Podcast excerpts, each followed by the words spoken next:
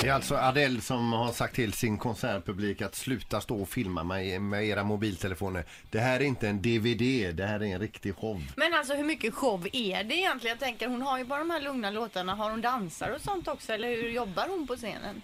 Men herregud, man kan väl njuta av musiken i alla fall? Jag ställde en fråga. Måste det alltid vara dansare? Det, det är nu väl trevligt Ed även om det är Sheeran. lugnt. Men jag sa inte att det var dåligt. Jag frågar hur jobbar hon med sin show? Men alla shower kan inte liksom vara en bouncebänke som står på ett Nej, nu biltak och ställde juckar jag ju bara liksom. en Det- fråga. Utan jag ställde ju en fråga, hur jobbar hon med showen? Har hon dansar och sånt? Ja, här har vi en som har... hatar Adele, det var väl roligt?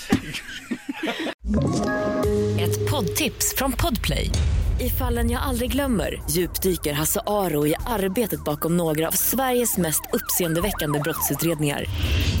Går vi in med hemlig telefonavlyssning och, och då upplever vi att vi får en total förändring av hans beteende. Vad är det som händer nu? Vem är det som läcker?